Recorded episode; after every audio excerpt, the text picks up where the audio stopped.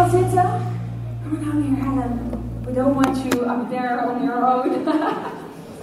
oh, it's such an honor to introduce you. Het is een eer om Helen te mogen aankondigen.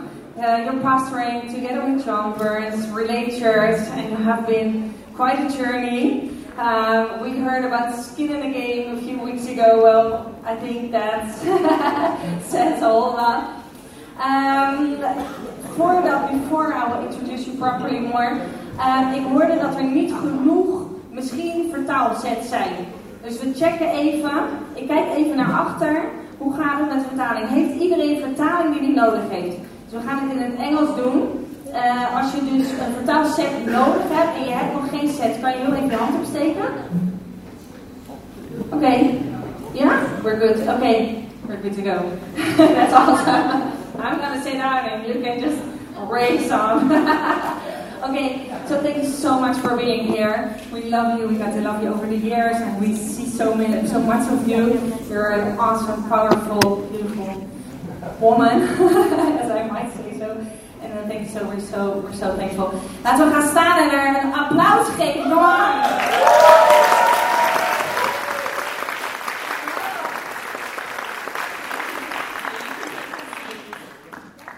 Oh, I love church. Do you love church? Ah, there's nothing like it. Anywhere I go, again, when I sat down or I was walking in the building today, and uh, everyone is gathering and we're praying and the children are here and the grandparents are here and this life. I love the house of God. You know, and even watching the A21 walk, I want to encourage you to get involved in that. I said, we'll be walking with you in Vancouver. I love the beautiful big family of God. Are you good? Yes. I, I'll, I'll try to not talk too fast. I have a habit of talking fast. But uh, it's an honor to be here. We love your church. John and I first met Pastor Harold and Matilda, I think it was about eight or nine years ago. And they're very memorable. They just jumped into our hearts, and uh, we are so grateful for them and everything that they have done to build the church. And so, and coming back here, I think I was here two or maybe three years ago. I feel like I was here on my 60th birthday. Is that right? I don't know because I'm about to be 63 any day. So uh, I'm old, but um, full of life and dreams. I want to share to you, with you today, a message called The Power of Your Story. It's interesting, John was preparing his message, and uh, he titled his The Power of Your Story. I'm pretty sure our messages are completely different. Um, but how we would share it because we're very different in how we teach, and yet we believe so much in the power of your one life and the difference that it can make for eternity. We had the privilege again of sitting with Pastor Errol and Matilda and just hearing some of the dynamics of their story, where they began and how life has been. And I look at them today as such a shining testimony of people who God always had his hand on and yet, it wasn't always an easy story for either of them. They came through incredible challenges, and yet they never quit, and they let God write the story. There is power in your story. And I'll share a little bit. How many of you have never heard me teach before? Lots of you. Hey! All my new friends. I love making new friends and meeting new people, and then, of course, coming in here and seeing lots of familiar faces as well. It's such a blessing. And so I'll share a little bits of my story, but I want to tell you why I believe in your story and in my story, because Jesus did. And there's this beautiful scripture in Matthew chapter 13, verses 34 to 35 in the message translation. Here it says, All Jesus did that day was tell stories. We know that Jesus was a great storyteller. Maybe you're new to faith and you're new to the Word of God. You're going to learn some things perhaps today. But one thing you need to know is Jesus told stories. He was known for sharing stories and in very unique ways in introducing the gospel to people that he encountered. And so all Jesus did was tell stories that day. It was a long storytelling afternoon. His storytelling fulfilled the prophecy I will open my mouth and tell stories. I will bring out into the open things hidden since the world's first day. Beautiful. But here's the thing about our story. When we share our story and our life story, we have the ability to share it in two different ways. One way that I think we're best at, which isn't necessarily a good thing, is sharing it in the way that a producer would create a film. Now, what a producer does when he creates a film, he takes out all the parts that he doesn't like and he leaves them on the clipping floor of the film rather than showing that part. And we appreciate it. We, we want a, a, a beautiful story, maybe on a screen. But life doesn't look like that. Or we have the ability to produce it or to share a story in a way that a curator would preserve a story. And a curator is someone who's a keeper of and a teller of truth. And so here in this part of the world, your country has got a lot more and an older history than where I come from in Canada. Canada just celebrated 150 year history, its birthday, last year. So it's a relatively young country. But a curator is someone who takes artifacts and they don't try to perfect them and shine them up to make them perfect. They preserve them in the way that they were discovered. They're a keeper and a teller of truth. And so when you go into places where you see artifacts, you're going to see them in their honest presentation. And I think that's how we need to get comfortable with. Um, is to be willing to take a look at our lives and take a look at what God has been writing through your life and through my life, and to not try to polish it all up, but to actually look at it for what it is and find Jesus in the middle of it. Our story, because our story is never ultimately about just us. Our story is generational. And I think our story, when we share it with God in the middle of it, it has a way to point, has a way of pointing us to Jesus. Um, here in Ephesians chapter 2 and verse 10, it says, For we are the product of his hand, God's hand. Heaven's poetry, I love this in the voice translation. It says, Heaven's poetry etched on human lives. How beautiful is that? Heaven's writing a story etched upon your life. Created in the anointed one, Jesus, to accomplish the good works God arranged long ago. What a powerful picture. Human lives that God placed in time, and we're all here at this time in a certain age and a certain story that we didn't write, but God wrote. Now, our choices have led us into different places, and not all of our choices have been great ones, but here's the thing God never just cuts your life out and says it doesn't matter. A producer may do that when, curate, when creating a film, but God never does that. He takes the broken pieces, the hard places, and He writes a beautiful story out of that.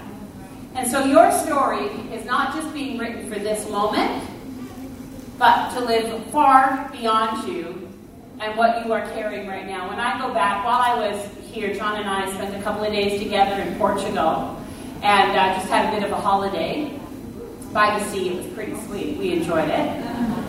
And uh, while I was there, I got the message that my beloved Uncle Abe Abraham passed away. 88 years old.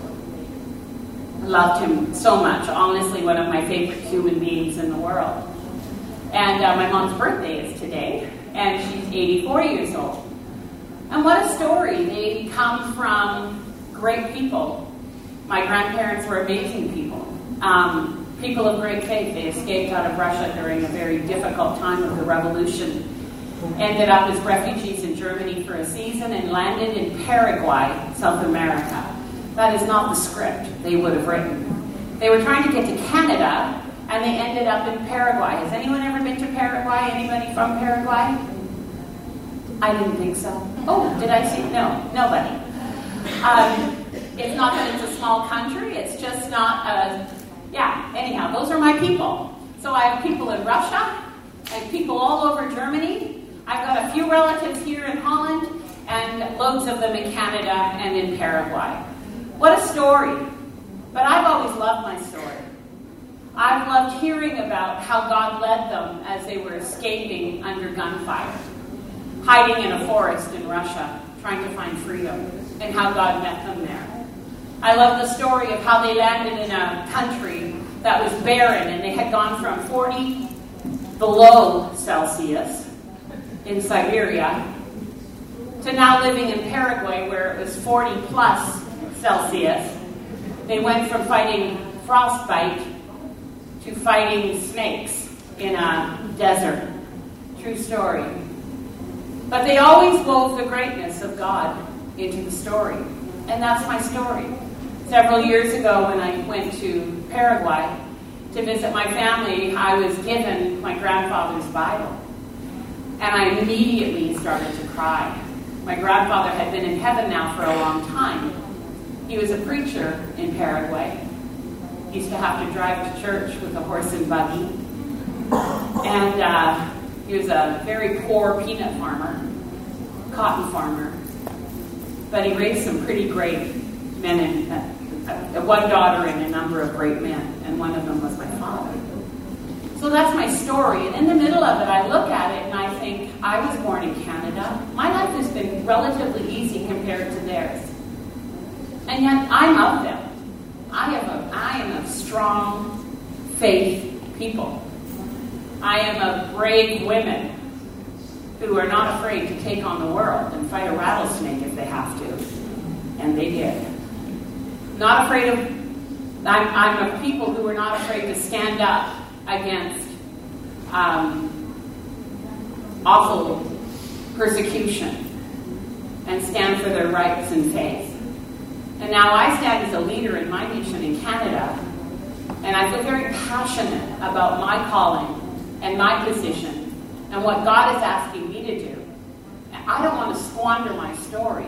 I don't want to throw it away. And yet I can tell you, not all of that story of going back to my relations is all beautiful. There's hardship, there's death, there's adultery. Not my parents, but there's there's um, evil, but there's God in the middle of all of it, and I'm very very grateful for that. There's this beautiful um, psalm in Psalm 78, which says, "I will teach you hidden lessons from our past." stories we have heard and known, stories our ancestors handed down to us. We will not hide these truths from our children. We will tell the next generation about the glorious deeds of the Lord, about his power and his mighty wonders. So each generation should set its hope anew on God, not forgetting his glorious miracles and obeying his commands. This is a powerful picture of the past, the present, and the future. And I believe being responsible in our lives is to actually take a look at these and recognize God's always been there with us in our past. He is with us right now, but He's writing a beautiful story with our life and with our future. And so, with this, I love the thought of the past the past, my past, and your past is actually a bridge to the future. It is, we have to recognize it to see where God has brought us. You might be here today and be brand new to church. You might come here today and you encounter Jesus for the first time today. I have good news for you. It's pretty great what's about to happen to you and how God is going to write your story. And all of what's happening in your life today is critically important to the story He wants to write into your future. So the past is a bridge into the future. And I believe that our past needs to be, I look at my life and my past and, and the generations before me, and even what I have invested into my marriage, invested into my children, invested into my eight grandchildren. I see it. Like I posted a picture this morning on Instagram of my mother and my grandson. My grandson is 19. You should follow me just to see how cute he is. No, I'm just kidding. He's pretty young. My mom's awesome too. But I said I looked on my camera for the last photo I could find of my mother, and two weeks ago we were at a family wedding. And my grandson came up close to her and gave her a cuddle. And I just snapped a photo. And I thought, they're actually friends. It's not just his great grandmother. My mom is his friend. They have a beautiful friendship, and it's quite young. He had the closest relationship to my father. Like when my when he was nine years old or ten years old, my grandfather passed away. And my father passed away. But that relationship was stunning. And I want to encourage you sometimes you think, well, I can't relate to the young generation or I can't relate to the old generation. It's imperative that you do. You need them and they need you. But I look at my past and there's a selfless investment that was made to the future. And I'm grateful for it. And I'm not going to squander it. John is a first generation believer, first one in his family to come to faith. And so he's a first, but 40 years ago he gave his heart to Jesus. And he's never looked back. And in 40 years, which often symbolizes like a generation, I think of the fruit of one person turning his life to Jesus and the difference that it's made. So today may be the beginning, but there is something being written that's bigger than you know. This present moment is also so critical. Somebody asked John one day, What do you think is the most important moment of your life? And John answered quickly, he said, It's this one. Because this one holds all the decisions and the promise of what the future is going to look like. And so often we look at ordinary moments and we just count the power of an ordinary moment. But this moment matters because none of us know if we get the next one. So we can't squander this one. Everything you do today will help open the door. It's like a, a door to the future. And so, what we do in these moments, you coming to church today is not a small thing. It really isn't a small thing. Sometimes you may think, oh, it doesn't really matter if I go or not, if I serve or not, if I sing or not. Yes, it does. Because what you are doing is making investments into a future that is waiting for you. So, those of you that came here today and set up the nursery or set up sound, whatever you did, it's, it's really valuable. it matters immensely. As far as some of you think I barely got here and I got here late and I really need coffee. But you being here actually matters. Understand that it's like a door that swings open into your future. And I've had many moments that I look at my life and I go, that was pivotal. Had I not showed up for that moment, this door would not have opened into my future. So never, somebody is, in this room, I'm pretty sure, somebody one day, you don't even know you're both in the same room, but you may get married one day. Why not? And you coming along to church, serving in church, someone's going, really? Yes, where? Can I pick? Uh, you never know. But I believe what if there isn't a better place to find your future than in the house of God. So serving matters, being here. We are a bridge that links a faith-filled past to a changing future. And so there's the past, the present, and the future. But today we're sharing in the hope of the future. I think of when I was here last time several years ago, how much has happened and transpired in Rotterdam in just this little time. And yet what's here waits for two more years. And you'll be stunned and amazed with what God is doing as He writes the story of your future. It's actually breathtaking. You can't see it, but God does. But it takes every one of us saying, I'm in. I'm going to be here, and I'm going to keep being here, and keep creating a space and a place for people to come to know Jesus. So there's an urgency, a huge urgency. So, one of the things I love about the story, the story God's writing, I encourage all of you, if you haven't already fallen in love with your Bible, it is your best friend. Honestly, I don't know what I do without the Word of God, and I can't live a day without it.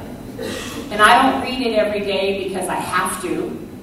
I read it every day because it's life to me. I put thoughts in my heart. I connect with God through reading His Word, studying His Word. I don't just read it, I study it. But one of the things I love most about God is the fact that when He wrote the story, which really is His family's history, He wrote it all. Well, not every detail. But He left in the story some people and some stories that you're like, I think if I was a parent writing a story about my family, I'd leave some of those parts out because they're not exactly beautiful. But God did not write a story that just showed us all the perfect parts. He told us the truth about his big, messy family here on earth. And let us learn from the stories that he shared with us. One of my very favorite is David, King David, the psalmist David. Amazing David. He is framed as a man after God's own heart. That's how we know him. If we read the Psalms, we see the life of David. And reading the Psalms or reading through um, some of the books, 1st and 2nd Samuel, you begin to look even. David was not a perfect man. David committed adultery. And then had the husband of the wife he committed, Bathsheba's husband, killed, so he thought he wouldn't get found out. Of course, there's a cost to making bad choices, but it wasn't the end of his story. God still used him. God still worked through him. For some of you, you have made mistakes today that you think it, it, it disqualifies you for ministry or for ever being used to God, and that's a lie. God can use your story, and God can use your life if you will just bring it to Him. If we look at David's life, you'll look at, at Psalm 151 and you see this heart of repentance. Create in me a clean heart, oh my God.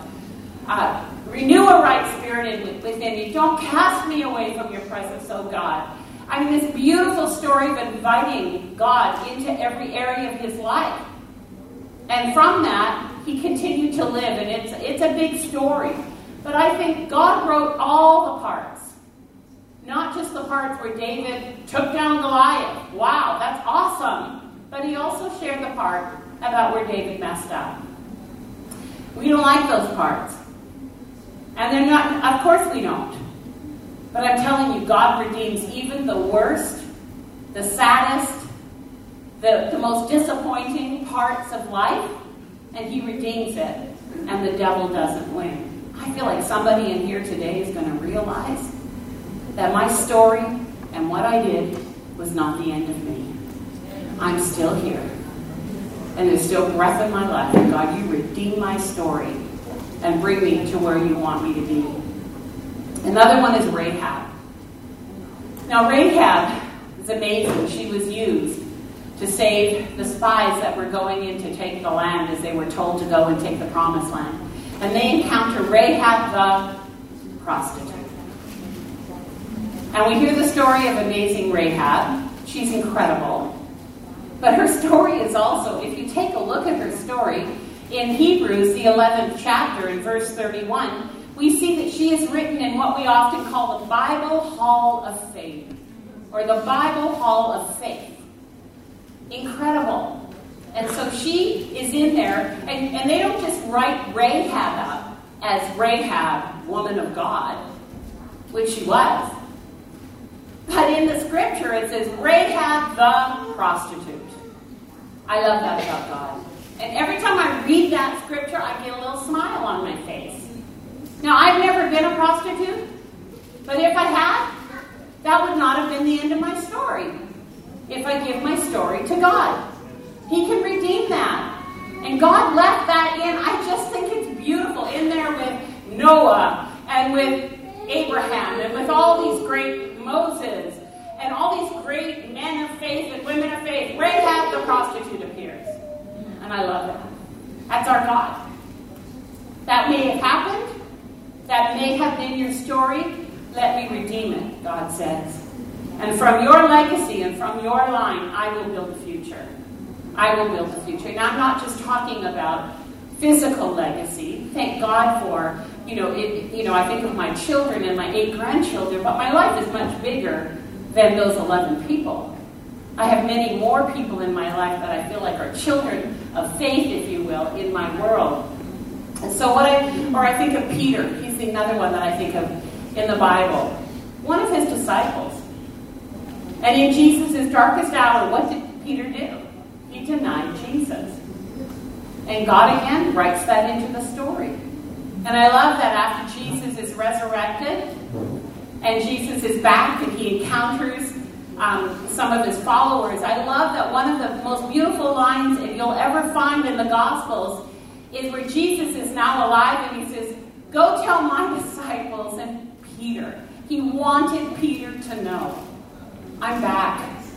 I love him. It wasn't the end of the story. Amen? And so here's just a few thoughts that I want to share with you. Um, four quickly. Number one, honor your story. Don't wish it was somebody else's. Don't wish it was some. You know, we tend to love a great story of overcoming, of rising from the darkest places, as long as it's not ours. If that's your story, good or bad, honor it. For those of you that haven't heard me teach before, I won't go into any detail, but John and I married um, shortly after he gra- I graduated from high school, and he was a dentist. And we had great dreams. I was living for God as a teenager. I was on fire for Jesus. I led John to Christ. We started off great in our marriage. I never thought anything would change. We would just always serve God in our future. And yet, four years after we were married, John and I were living separated. He was living in a city up in northern British Columbia, and I was living in Vancouver. Broken heart, broken marriage, felt like a failure in every arena of life. I told you I have a legacy of faith, but this is now Helen's story. Out of church, broken marriage, feeling like a failure as a mother, but God. And in a moment, now it was 40 years ago that I bowed my knee to Jesus and I said this God, I've had life with you, I've had life without you, and I don't want to live one more day without you. And God met me right there.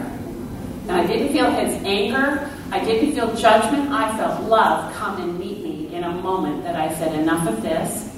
Because I felt the Holy Spirit say to me, and I feel like it's a word for some of you today. The life you're living right now is not the life that God called you to. There's better. There's more. And so one day I had to say, that's it. And I bowed my knee. And here's the thing I didn't know if John would take one step forward with me in my new journey with God. But I was going anyway. Sometimes we won't go because we're waiting who's coming with us. Just follow Jesus, and the rest will take care of itself. So follow Jesus. But this is what I want to encourage you to do is honor your story. And don't be afraid of it. You know, it's interesting um, when it comes to honoring your story.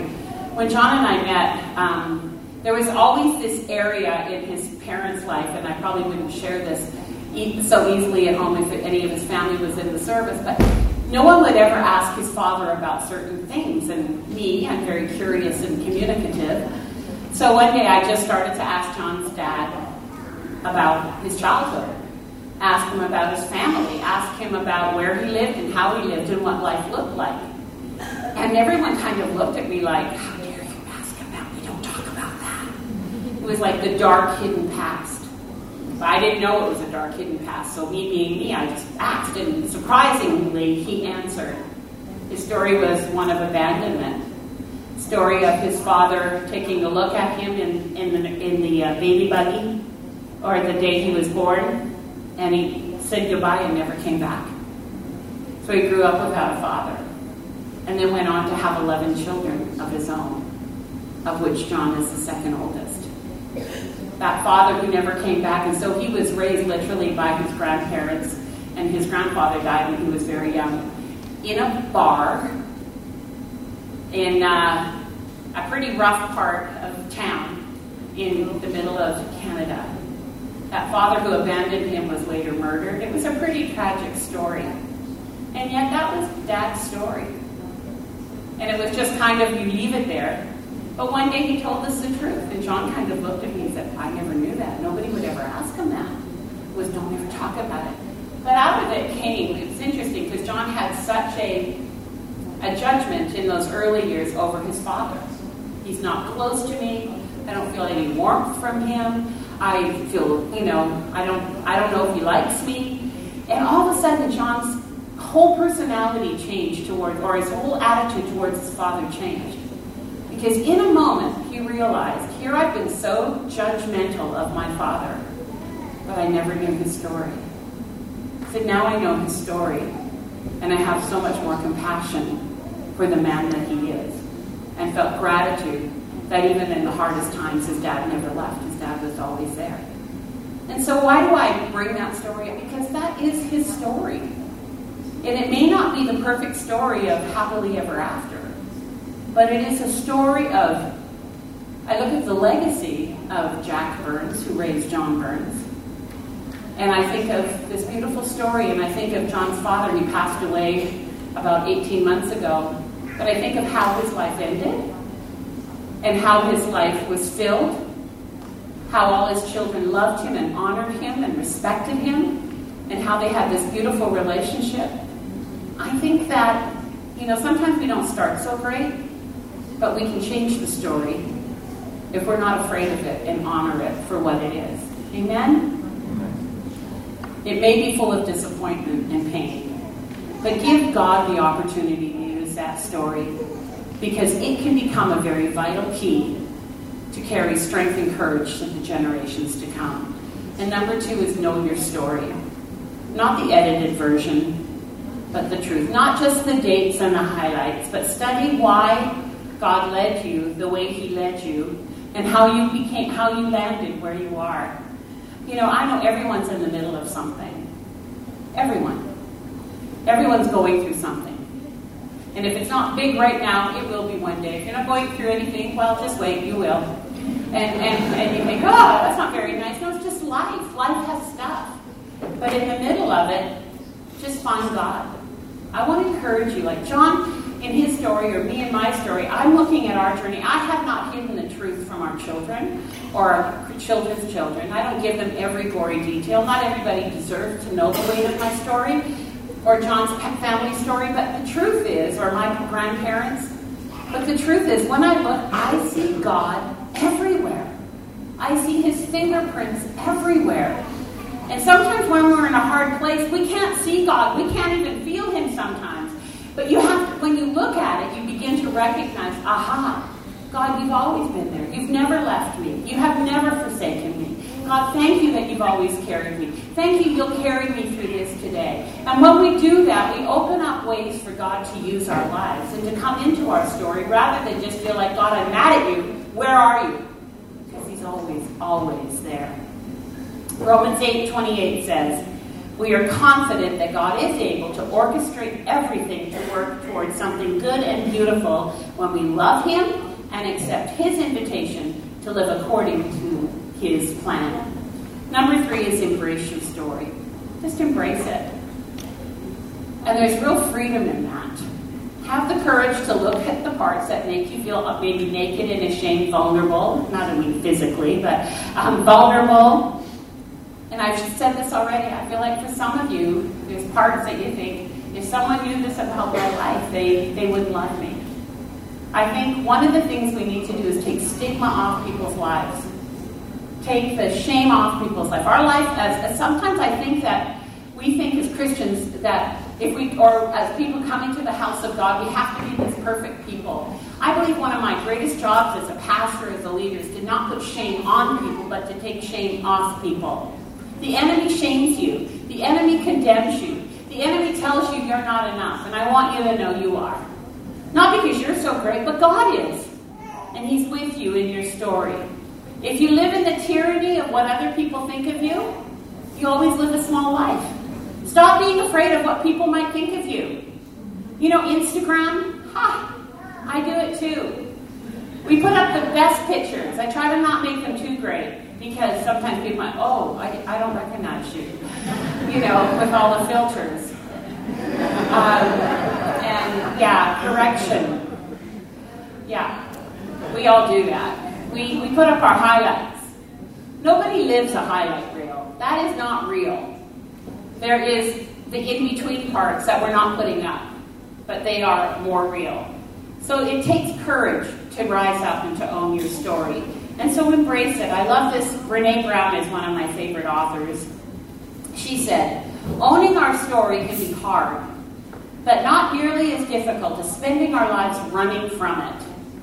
Embracing our vulnerabilities is risky, but not nearly as dangerous as giving up on love and belonging and joy. The experience that make us the most vulnerable and the experience that make us the most vulnerable. Only when we're brave enough to explore the darkness will we discover the infinite power of our light. And I would like to say the infinite power of His light in the middle of it. And number four, share your story. People are always surprised, I think, over the years that John and I have taught on our marriage and our family for many years. They're always surprised how open and vulnerable we share. People have this expectation your pastors, your life is perfect, right?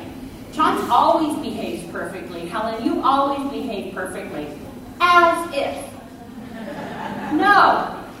I know you do. We don't. And uh, your pastors do, I'm sure. But what I want to encourage you is when we share a story, not with the whole world in every moment, I share it more publicly because I'm on platform, but I'm not afraid of my story. So I share it because I think by me sharing it, it helps someone else. I know recently on our platform, because of all of the stuff happening with mental health and such, we felt such a necessity to talk about depression, about suicide, and about such on our platform. And when we did, um, we shared it with hope, we shared it with vision, but we talked about it. And I think what happened to a whole lot of people where they just breathed a big sigh of relief. We didn't come and say, if you're depressed, you need to pray more and you're evil and, and you're letting the devil win. We just said, yeah, we're in a world with a lot of challenges. Can we walk with you? But if you always hide where you go, what you're going through, no one can come along and help you. So I want to encourage you that in this journey of life, the past, the present, and the future matter. And to embrace who you are, what you've walked through. Stop thinking that the devil owns your story and let Jesus hold it and carry you into the future. Amen? I'd love to pray for you. And then I'm going to ask, uh, are you coming up, Wendy? Are you going to come and sing a solo for me? I bet you could. Anyone that wears a shirt that cool? I know the team is awesome. I'm going to pray for you. And then we're going to just let God go to work. Amen? God, I thank you that you're here in this moment. God, I just sense there's a sacredness and a God like that. Some of you here today. it's funny, I just feel in the spirit. You don't know whether to be excited or afraid. There's an excitement that maybe freedom really exists, and it does. But then there's a bit of fear that, but what if? I've stepped out before and I've fallen again. I want to just invite you, to get going. This moment, this very moment matters. And I encourage you to not be afraid. To just come with freedom and openness and honesty. And invite God into this your story. I feel like lights are going to go on and, and there's going to be an illumination in your spirit. I really feel this, even prophetically, in my heart today towards you. Come out of hiding. Come out of fear. Come out of the heaviness that has held you down and find joy and freedom. I didn't plan to do this, but I'm going to do this quickly. Heads are bowed, eyes are closed. But I want to encourage you if you have been hiding, you have been afraid, if you have been nervous, if you have been holding back, I want you to just stand up. We're not going to look around, but I want you to stand up and just say, I'm owning it. It's my story. I'm owning it. I'm owning freedom today. If that's you here today, I believe freedom is going to come to you all over this room. The Holy Spirit is present to deliver, and I just sense the spirit of freedom. I actually feel this deep joy in my heart for some of you that are just today marks a day. What's the most important moment? This one. Own it. Take it back. No more fear, no more anxiousness, no more tyranny of the enemy telling you, stop, don't. Anybody else just in this moment stand? Just go ahead and stand. Find freedom today. Amen. So many of you. Beautiful. It's a new day. A new day. A new day. So we speak liberty today. I declare liberty over every single person in this room. Father, I thank you for freedom. in the middle of this. Father, I thank you that the enemy is not winning and we are taking back our stories and walking into freedom. No more shame, no more anxiety. I come against a spirit of anxiety today in Jesus' name. And I just speak liberty and freedom, joy in the Holy Spirit. As God, you just minister to each one of these. Thank you. This is a marked moment. It's a new day. And thank you that you are working deeply and intimately in every single life. In Jesus' name, I pray. Amen. God bless you. You can be seated.